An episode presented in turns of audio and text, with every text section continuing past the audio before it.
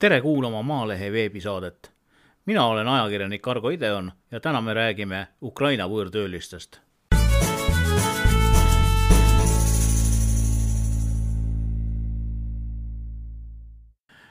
Juuri on lehmalaudas ja mujalgi asjalik töömees.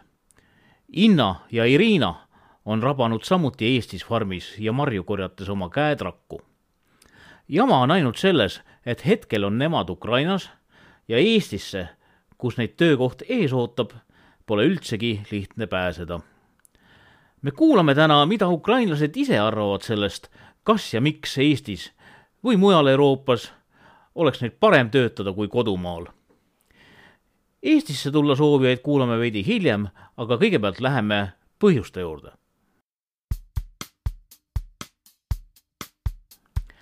Maalehe veebisaate tänane külaline Katariina Snissarenko on Ukraina politoloog.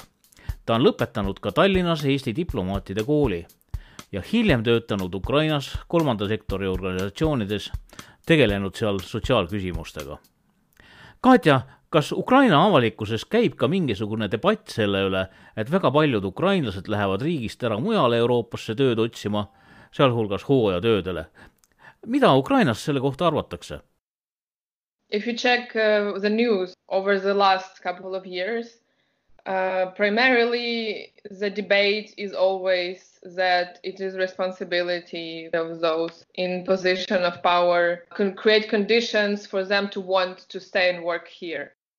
kui vaadata viimase paari aasta uudiseid ajakirjanduses, siis käib Ukrainas arutelu selle üle, et võimupositsioonil olevate inimeste vastutus on teha nii, et inimesed ei läheks ära välismaale ning tuleb luua tingimused, et nad tahaksid jääda ja töötada Ukrainas. Kui Ukraina inimestele tehti lihtsamaks Euroopa Liidus reisimine, siis oli üldine arvamus, et veelgi rohkem inimesi võib ära minna, räägib Katariina Snisarenko. Nad võivad rännata välismaale päriselt või ka teha seal hooajatööd.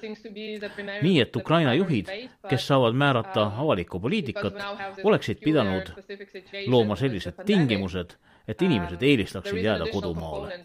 see näib olevat pealmine arutelu telg aga kuna Ukrainas on praegu viirusepandeemia tõttu väga spetsiifiline omapärane olukord, siis on valitsus kaalunud sellel aastal ka inimeste välismaale mineku keelamist või takistamist.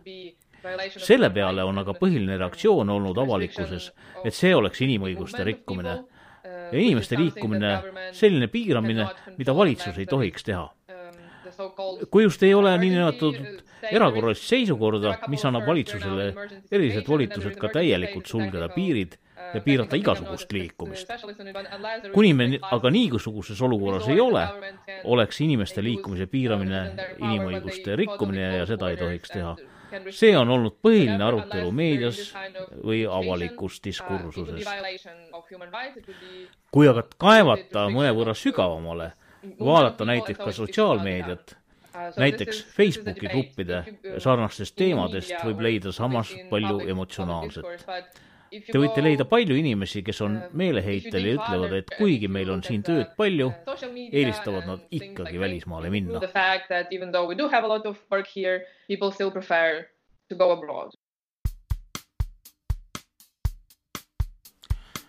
räägime nüüd vahepeal Ukraina noormehe Juri Ussoviga, kes on töötanud kokku umbes kaks aastat Eestis Harjumaal, tuntud põllumehe Jaan Metsamaa juhitavas piimafarmis.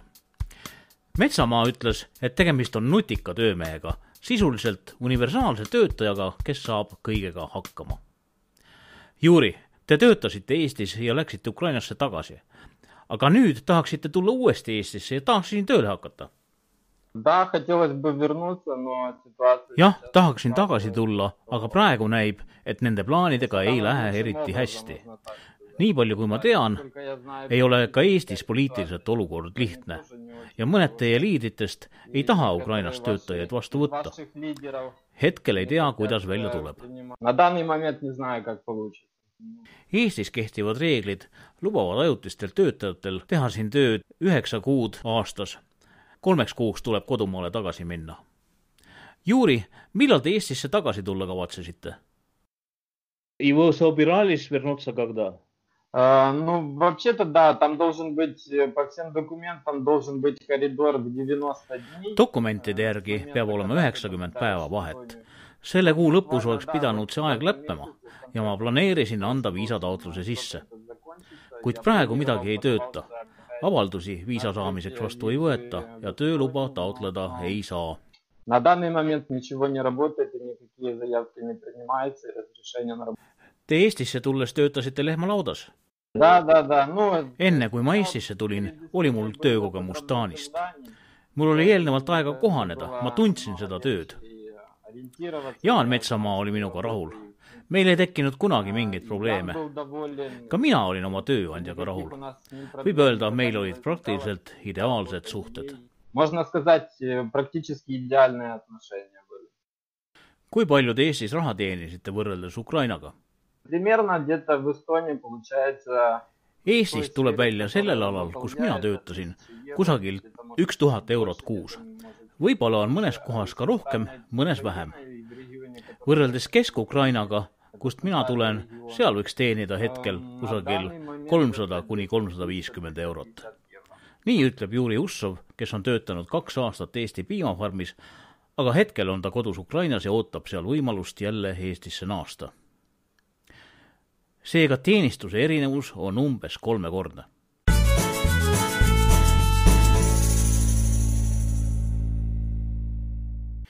Te kuulate Maalehe veebisaadet, mina olen ajakirjanik Argo Ideon ja me räägime Ukraina võõrtöölistest. Ukraina politoloog ja tudengina Eestiski elanud Katariina Snissarenko. kui teenistuse vahe Ukrainas ja Eestis on kolmekordne, siis ei ole vist vaja kaugelt otsida seda põhjust, miks Ukrainast välismaale tööle minnakse? I think it's not anything new uh, that by doing this seasonal work selles pole midagi uut, et hooajatööde abil loodavad inimesed parandada oma perekonna majanduslikku olukorda. mõne inimese jaoks võib see olla ka ainus võimalus ära elada. kuid siin võib mängus olla ka veidi emotsioone inimesed on lihtsalt väsinud valitsuse nõmedatest lubadustest. Nad tahavad teha midagi sellist, mis ei ole valitsusele meeltmööda. lihtsalt, et näidata mingil kujul oma protesti. Igaüks muidugi soovib erinevaid muutusi. igaüks tahab paremat elu endale või vähemalt oma lastele. ja see tähendab ka rohkem raha. kuigi õnn ei seisne rahas, aga ta teeb elu lihtsamaks ja nälgida ei ole ka kuigi meeldiv paljud inimesed tahavad, et majandusolukord paraneks. Nad tahavad saada paremaid teenuseid, nad tahavad muudatusi arstiabis, sotsiaalhoolduses. On küll ka selliseid inimesi, kes on valmis ootama ja rahul, kui muutused toimuvad aeglaselt. kuid mulle tundub, et praegusel hetkel on Ukrainas just see moment, kui suur hulk inimesi on oma illusioonidest pidanud loobuma Kesk-Ukrainas Kirovogradi oblasti Kolovanivski rajoonis töötab mänguasjapoe müüjana Irina Tsibermanivska. Ta on juba kaks aastat käinud suviti Eestis marju korjamas. Maalehega rääkides kordab naine üha uuesti, kui väga talle Eestis kõik meeldis.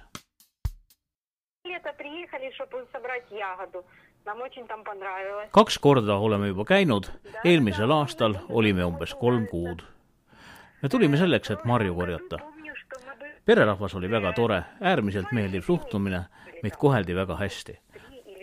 Töötasime kaheksa tundi nii nagu Ukrainaski, aga teenisime umbes kolm korda rohkem. no meie palgad on siin väga väikesed. seda on väga vähe, et Ukrainas ära elada.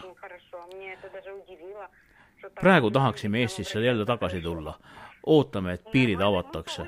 transport ei oleks mingi probleem, me võime ka oma autoga tulla aga kui piirid avatakse, siis ilmuvad nii bussid kui lennukid. autoga oleks ikka väga kauge tulla.